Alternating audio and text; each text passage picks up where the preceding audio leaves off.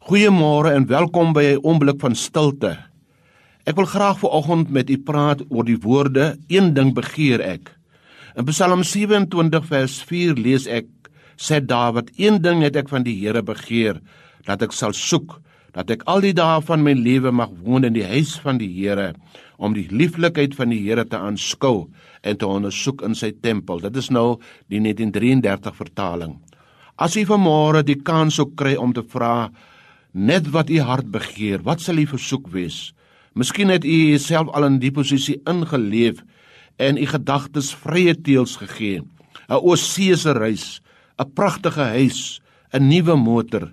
Toe Salomo voor 'n keuse gestel is, het hy wysheid begeer en die Here het hom daarvoor geprys.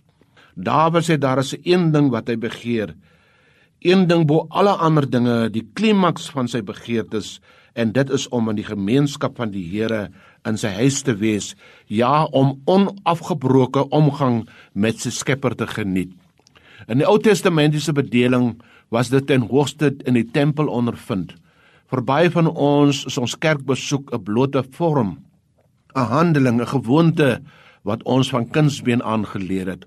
Ons besoek aan die kerk tydens eredienste moet egter iets veel meer wees. Dit moet 'n blye ontmoeting tussen God en ons wees, want by die erediens is God teenwoordig. In sy voorhoewe vind aanbidding plaas. Dit wil sê ons vereer God vir wat hy is.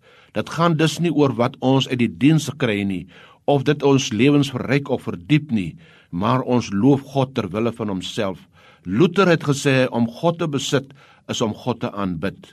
Ons aanbid hom as die gans ander, as die ewig onbegryplike, onsigbare, alleroorvloedige fontein van alles wat goed is. Aanbidding lê in die gee van onsself aan God, ons gedagtes, ons dank, ons inspirasies oor onsself en vir ons gesinne.